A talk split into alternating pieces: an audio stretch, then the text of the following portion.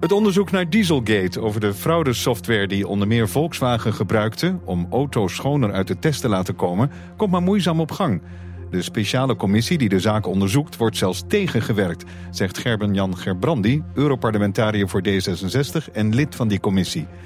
Zo doet de Europese Commissie moeilijk over notulen die zijn opgevraagd van technische werkgroepen. Wat heeft de commissie gezegd? Wij kunnen die documenten pas geven als alle 28 lidstaten daarmee ingestemd hebben. Dat is obstructie. Die notulen die zijn al een keer goedgekeurd. En met één druk op de knop moet de Europese Commissie, die het secretariaat voert van dat soort werkgroepen, moet die stukken gewoon naar ons toe kunnen sturen. Donderdag spreekt de onderzoekscommissie met twee betrokken eurocommissarissen, onder wie Gunther Verheugen, die tot nu toe steeds weigerde op te komen draven. Nederlanders steken hun geld nu het liefst in hun huis. Sparen is juist minder populair. Dat blijkt uit de fi- Financieel Fit Barometer van de ING. Dat we ons geld nu vooral gebruiken om de hypotheek af te lossen is niet zo raar, zegt Senne Jansen als ING-econoom betrokken bij het onderzoek. De spaarrente staat op een relatief laag niveau.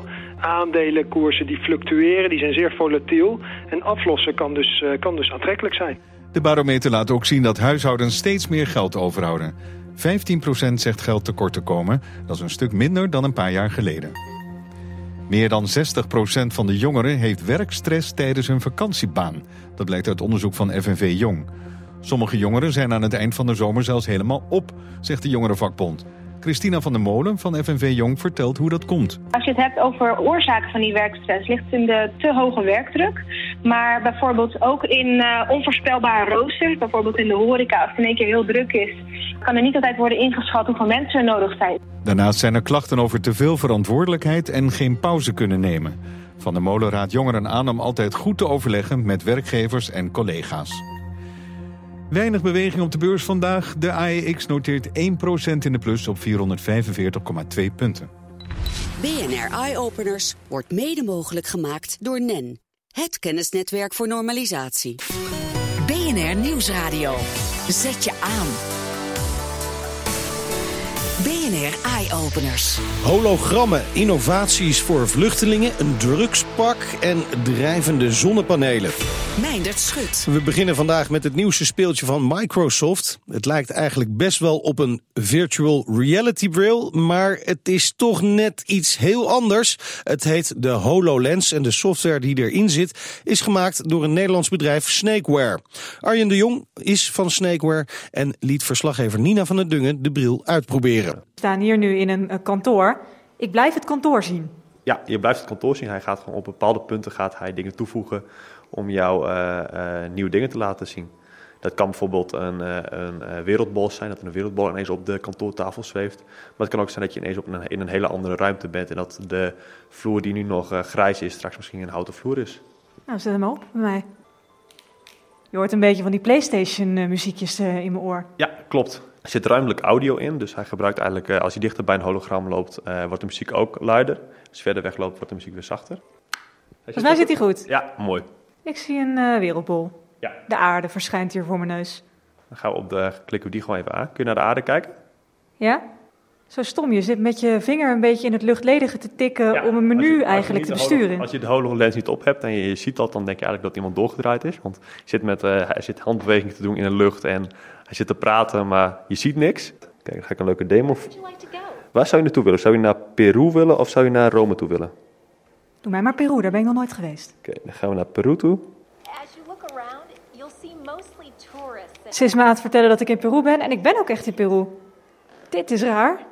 Ik zie namelijk gewoon het raam, de vergadertafel, de lampen en de tv van de kantoorruimte.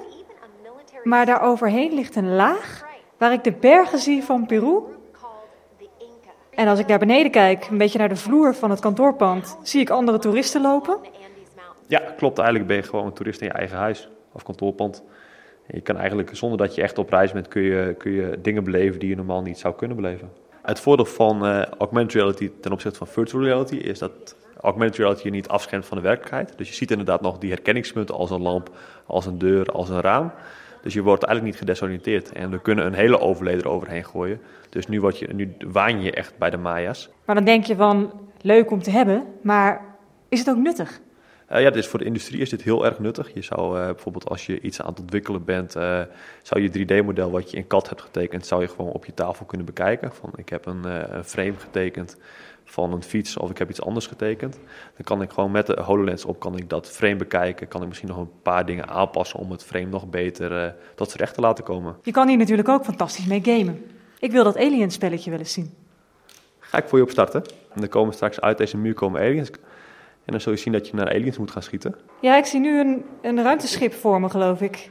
Oh, daar zit het gat. En hoe moet ik schieten? Je pakt eigenlijk je, je wijsvinger en daarmee tik je je duim aan.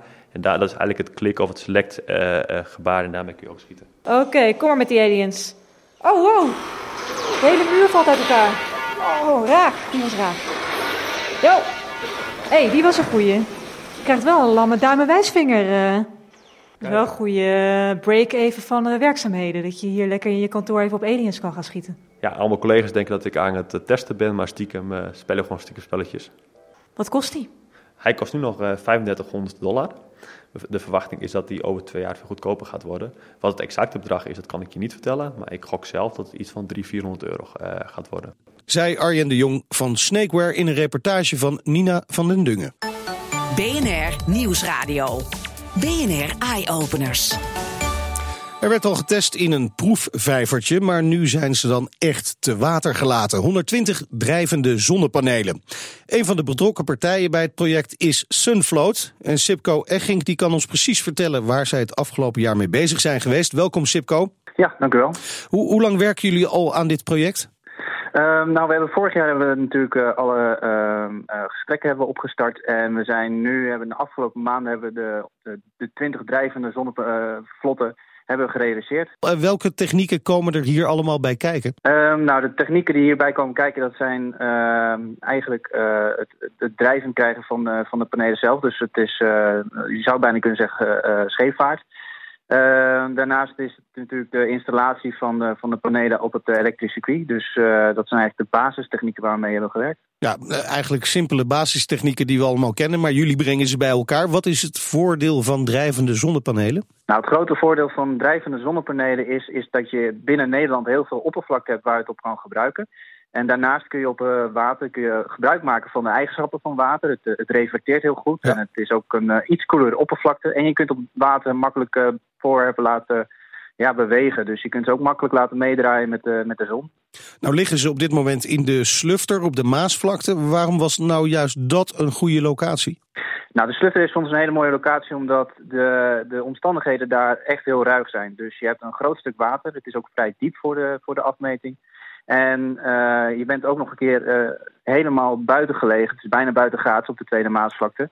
Dus je hebt veel wind en veel golven. En dat betekent eigenlijk dat je heel snel je, je, uh, de, de, de, weerstand en de duurzaamheid van het product zelf kan, kan testen. En dat is voor ons zeer waardevol. Een belangrijke test. Hoe lang duurt die en, en wanneer weten jullie meer? Nou, de test die duurt, duurt één jaar. En daarin gaan we dus de vier seizoenen gaan we meten. Uh, dus we hopen inderdaad volgend jaar juli uh, meer uitslag te bieden over uh, ja, de duurzaamheid en ook ja. natuurlijk de, de opbrengsten van het systeem. Hebben jullie al gebieden aangewezen, bekeken waar jullie die zonnepanelen neer zouden willen leggen? Want dat kan natuurlijk niet overal. Je kunt niet het hele IJsselmeer volleggen bijvoorbeeld. Nee, inderdaad. wij richten ons vooral op, op baggerdepots zoals deze van Rijkswaterstaat en het havenbedrijf Rotterdam. daarnaast zijn er nog een aantal andere baggerdepots in, in werking. Uh, er zijn veel zandwinputten in Nederland waar het op uh, kan leggen. Uh, en daarnaast zijn er nog een aantal andere ecologische en ook recreatieve, ja, niet interessante wateren. Bijvoorbeeld bij industrieterreinen waar dit heel goed kan worden toegepast. We gaan het volgen. Dankjewel. Sipco Egging van Sunfloat. Meindert Schut. Het is nog altijd een groot probleem. Jongeren die onder invloed in de auto stappen. Ford ontwierp een pak waarmee je kunt voelen hoe onverstandig het is om met drugs achter het stuur te gaan zitten. Carlijn Meiners die probeerde er voor BNR Eye-Openers een rondje mee te rijden. Ik sta hier naast Sebastiaan van der Pol van Ford Nederland. Waarom zijn we hier vandaag? Nou ja, uit onderzoek blijkt dat helaas uh, meer dan de helft van de jonge mensen aangeeft dat ze wel eens in de auto hebben gezeten bij iemand die onder invloed was van drank of drugs. En om daar aandacht voor te vragen heeft Ford een pak ontwikkeld wat de effecten van uh, drugs in dit geval simuleert. En dat is een nogal heftige ervaring. En daarmee hopen we toch duidelijk te maken dat dat een heel slecht idee is, eh, drugs en verkeer. Bonneboon van ProDrive, wat gaan we zo meteen doen? We gaan een uh, parcoursje rijden, een beetje manoeuvreren met een uh, drugsuit, een drugspak aan. Ik krijg nu uh, alle onderdelen van het pak aan. Dat is onder andere een gewichtje om een rechter enkel. Wat doet dat gewichtje straks? Dat je trager bent in je beweging met je rechtervoet. Oké, okay, volgende. Uh, een handschoen en die laat je hand trillen, waardoor je coördinatie uh, met je rechterhand zo dadelijk uh, heel lastig wordt. Een trilhandje dus. Een trilhandje, ja, duidelijk trilhandje zometeen. En wat doet die bril precies? Die zorgt voor tunnelvisie en door de kleuren ben je continu eigenlijk afgeleid. Ik zie nu al een beetje dubbel inderdaad. De koptelefoon zorgt ervoor dat je in je eigen wereld blijft. Sebastiaan, hoe is dit pak ontworpen? Ja, het pak is eigenlijk een doorontwikkeling van het uh, alcoholsuit, wat we, wat we ook hebben. En dat is ontworpen met het uh, Meyer Henschel Instituut in Duitsland. En ja, wat die mensen allemaal hebben moeten nemen om tot uh, dit pak te komen, dat durf ik niet te zeggen eigenlijk. Ja, dat was wel mijn vraag. Hebben ze, hebben ze zeg maar ervaringsdeskundigen gebruikt of zelf even wat naar binnen gewerkt? Het is vast van horen zeggen, dus ik ga uit van de ervaringsdeskundigen. We gaan de auto in. Ik zie nu ongeveer 400 pionnetjes. Zie je inmiddels ook al smurfen? Ik zie nog geen smurfen. Ik voelde een hobbeltje van de pion. Echt? Door de gewichtjes aan de armen is het nu ook vertraagd sturen, waardoor de bochten veel ruimer worden vaak. Ja, dit is, jongens, dit is echt een stuk moeilijker uh, dan je zou denken. Ik zie lichtjes overal, ik zie dubbel, ik hoor helemaal niks. Mijn hand trilt. Hoe heb ik het gedaan? Slechts één pilon geraakt. Keur. Slechts één pion, maar dat had ook een kindje kunnen zijn. Dat had ook veel erger kunnen aflopen, inderdaad. En nu blijft de snelheid nog laag. Bij hogere snelheden zijn de gevolgen meteen ernstiger. Ja, want hoe hard reden we nu ongeveer? Stapvoets. Ik denk wel dat ik in dit pak alles door elkaar heb gebruikt. Maar zelfs al zou je de helft hiervan op hebben, dan is het nog niet te doen. Veilig is het in ieder geval absoluut niet. En wil je zelf het uh, pak uitproberen? Dat kan. In september is er weer een nieuwe Driving Skills for Life van Ford. Op onze site vind je een linkje. En straks horen we met welke innovaties vluchtelingen echt geholpen zijn. BNR Nieuwsradio. Zet je aan. BNR Eye Openers.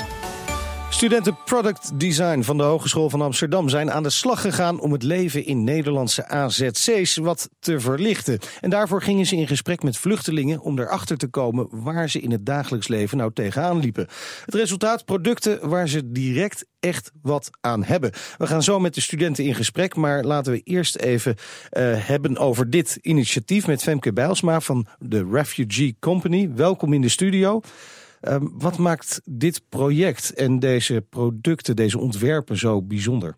Wat uh, sowieso heel bijzonder is, is dat ze voor, voor, ik denk voor het eerst niet over vluchtelingen hebben nagedacht en een probleem voor ze hebben proberen te bedenken van achter een computer.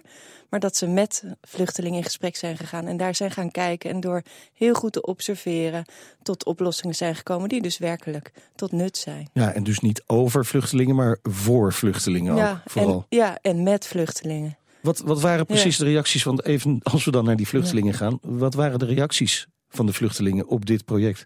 Ja, nou, wat je merkt is dat het sowieso heel goed is dat ze ergens in betrokken worden. Want de meeste mensen die, die vervelen zich vreselijk. En dat er dus ook niet oplossingen voor ze worden bedacht, maar dat ze daarin worden betrokken. Dus de meesten waren daar al heel erg enthousiast over. En ze waren ook wel heel erg streng, hebben we gemerkt. Hè? Dus heel, oh ja?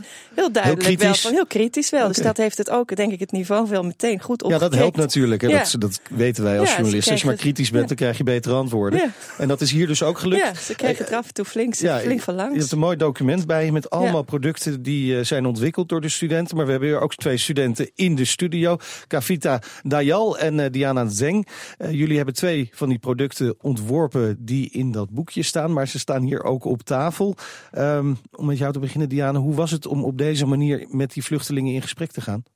Um, ja, het was voor mij echt een heel erg een eye-opener. ja, nee, het was echt. Ik had natuurlijk door de media was allemaal de vluchtelingen heel erg eigenlijk armzalig gezien en heel erg ja, ja heel erg uh, armoed, armoedig. En toen ik met hen eigenlijk in gesprek kwam, ja, kwam ik eigenlijk achter dat ze eigenlijk nog beter opgeleid zijn dan wij, nog veel uh, ja, down to earth zijn eigenlijk ook heel erg.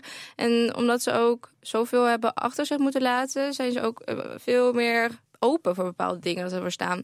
En ja, ik kwam eigenlijk zo achter dat eigenlijk zij en ik zijn precies hetzelfde. Eigenlijk misschien nog een hoger niveau beter. En, en eh, Kavita, als jij naar die gesprekken kijkt die je hebt gehad met die vluchtelingen, waar hebben jullie dan met ze over gesproken? Eh, we hebben met ze gesproken over ja, hoe, zij, hoe zij het ervaarden in de opvang. Waar ze tegenaan liepen, wat, wat er goed ging, wat er slecht ging. Maar ook eigenlijk eh, hele persoonlijke dingen. Bijvoorbeeld, hoe zijn ze hier naartoe gekomen? En dan kwamen we toch wel op ja, een beetje gevoelige onderwerpen uit. Ja, zoals? Nou ja, het is, eh, ik heb ook bijvoorbeeld van sommigen gehoord dat ze familie hebben moeten achterlaten. Ja. En ja, dat soort dingen. Dan, dan weet je toch niet echt van, oh ja, misschien ga ik nu te ver met mijn vragen, weet je wel. Ja. En eh, ja, dat was toch wel heel bijzonder dat we dat mochten meemaken als studenten. Ja. Echt met de vluchtelingen zo dichtbij komen en zo erg in contact komen met die mensen. Ja, en, en kennelijk waren ze dus toch wel heel erg open, want ze hebben jullie heel veel informatie gegeven. Ja, klopt. Eh, waar lag volgens jullie de, de grootste behoefte? Privacy. Ja, Ja, privacy, Ja. is Ja, dat echt het belangrijkste? Want ja. Ja. ze zitten inderdaad natuurlijk eh, vaak wel in zalen. Ja, Ja. nou ja, ze zitten ook eh, op kantoorgebouwen. Ja. We hebben vrijwilligerswerk gedaan. En eh, ze zaten dan in één klein kubusje, misschien van drie vierkante meter, twee.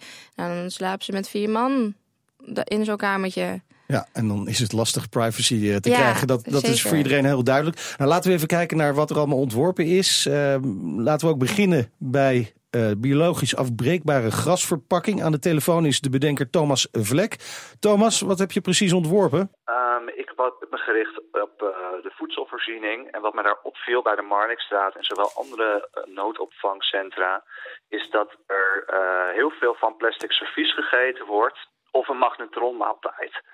En nou ja, dat is, hè, voor een nachtdienst is dat leuk om even een keer even snel makkelijk te eten. Maar als je daar eigenlijk maanden van eet, dan, eh, ja, dan kan je, wil je gewoon wat fatsoenlijks hebben. En wat mij opviel is dat er enorme hoeveelheden plastic afval eh, daarbij ontstaan. En niet zozeer gericht alleen dat het vervelend is voor die vluchtelingen zelf. Maar ook voor het land eh, die te maken krijgt met vluchtelingen is dat een enorm probleem. En toen dacht ik van ja, wat nou als je eens een servies goed zou maken. Wat zowel biobased is, hè, dus een natuurlijke bron hebt. En afbreekbaar is in de snelheid van voedsel.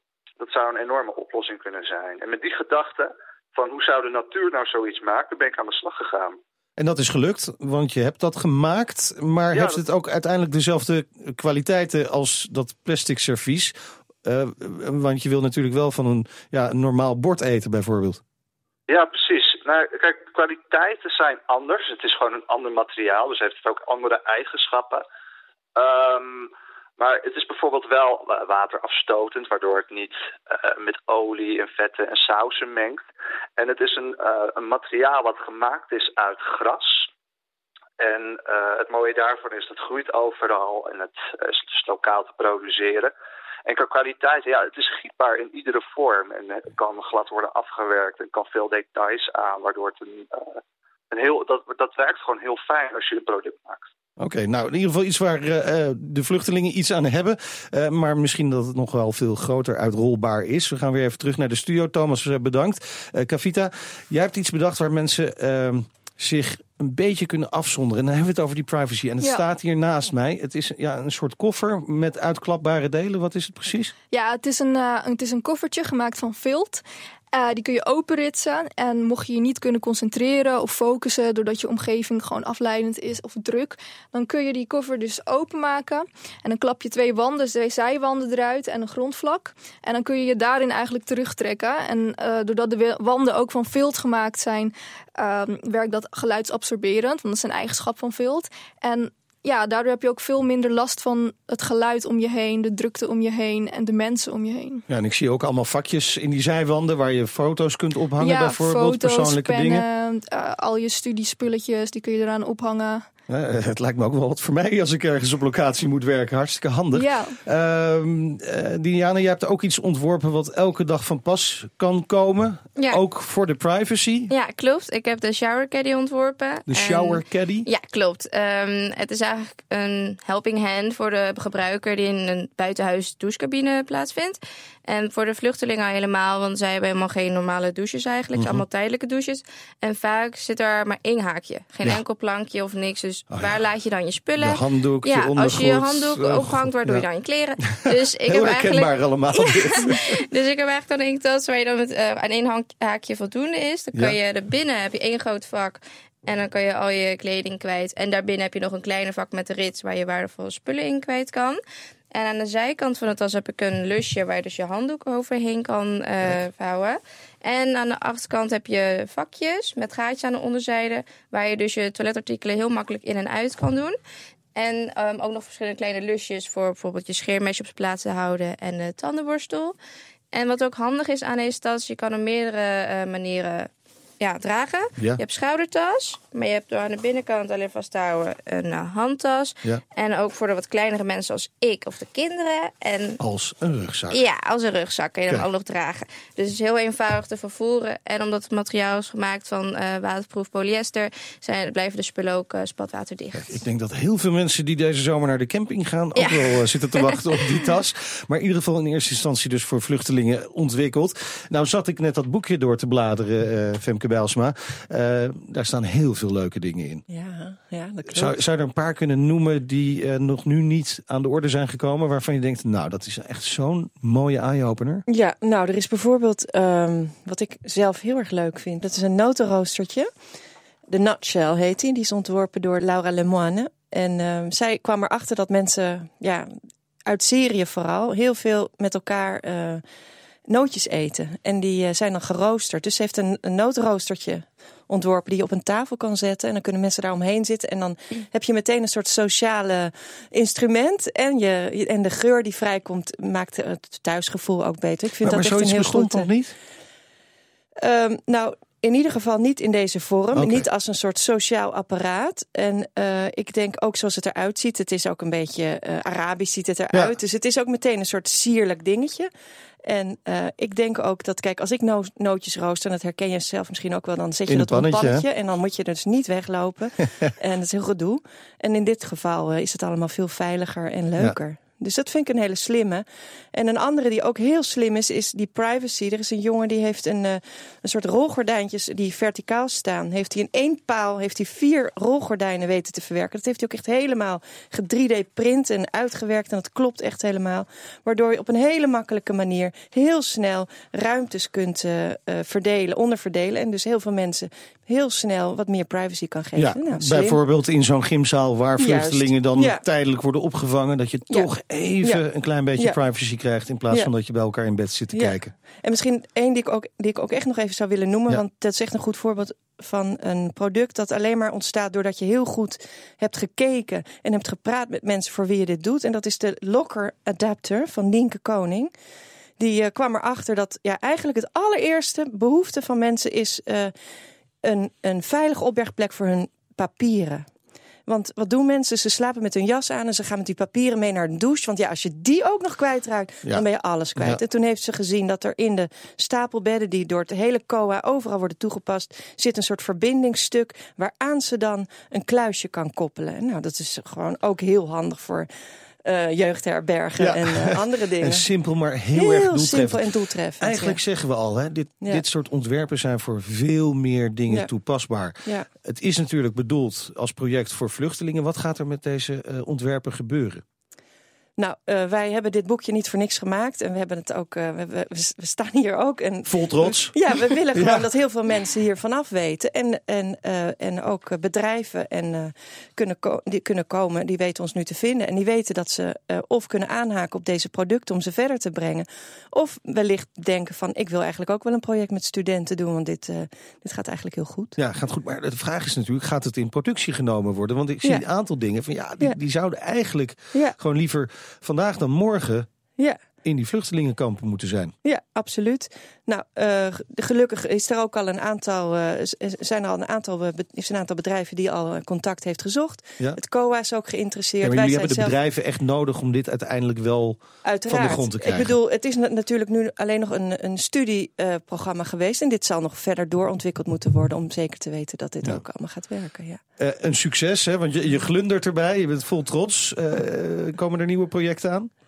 Eh, ja, wij zijn eh, heel hard bezig. Kijk maar op refugeecompany.com. Wij zijn heel hard aan, eh, aan het werk om eh, mensen, vooral vluchtelingen, aan het werk te krijgen. En dat Ja. kan op allerlei manieren. Ja. Eh Kavita en Diana, nog even naar jullie. Eh, want ja, jullie hebben nu een, een, een prototype staan hier op tafel. Ja. Wat is de next step? Wat gaat er gebeuren? Uitwerken. Kavita, ja? ja Wat moet hopelijk. er nog gaan gebeuren dan? Ehm, nou ja, er zijn natuurlijk wel altijd een paar verbeterpunten om echt, het echt een professioneel product wordt nog. Uh, maar ik hoop dat die echt in, productie genomen kan worden. Er zijn ook al heel veel enthousiaste reacties geweest uh, van een aantal mensen van bedrijven, investeerders. Dus ik hoop, ik hoop het dat het, uh, dat het gaat lukken. Ja, heb, heb, je hem trouwens ook al buiten geprobeerd? Want ik zit te denken, ik kan, ik kan hier mooi met de laptop achter werken. Maar houdt het de zon dan ook een beetje tegen? Of moet er dan nog een uh, klepje ja, boven? Dat was inderdaad een van mijn ontwerpoverwegingen eerder. okay. Maar veel mensen vonden dat claustrofobisch als er een dakje oh ja? overheen okay. zou komen. Dus daarom heb ik hem weggelaten. Oké, okay. nou ja, misschien optioneel nog. Uh, maar ja. uh, dat komt misschien in de toekomst. Diana? Uh, ja, ook zelfs voor mij. Ik zou ook heel graag het product in werkelijkheid zien komen. En voornamelijk helemaal ook de vluchtelingen. Maar ook bijvoorbeeld mensen die naar een festival gaan, meerdaagse. Of voor campinggebruik. Of ja. mensen die naar zwembaden gaan. Lijkt me het heel tof als het product dan echt gebruikt kan worden. En hoe, hoe ver zijn jullie eigenlijk met de studie? Uh, ja, wij zijn allebei vierdejaars. Ja. En volgend semester willen we eigenlijk heel graag afstuderen. Ja. Dus wij zijn beschikbaar voor een afstudeerstage. Ja. En... Hartelijk bedankt voor de komst naar de studio Cavita en Diana. En natuurlijk ook Femke Belsma ja. van de Refugee Company. Dank nogmaals en heel veel bedankt. succes met het project. Dankjewel. En dat was hem voor vandaag. Op eh, bnr.nl slash eyeopeners vind je nog veel meer innovaties met impact. En op Twitter vind je ons de hele zomer via BNR Eyeopeners. Heb je nou zelf iets leuks gezien of bedacht? Stuur dan een mail naar eyeopeners.bnr.nl. Je hoort ons in de toekomst. Tot volgende week.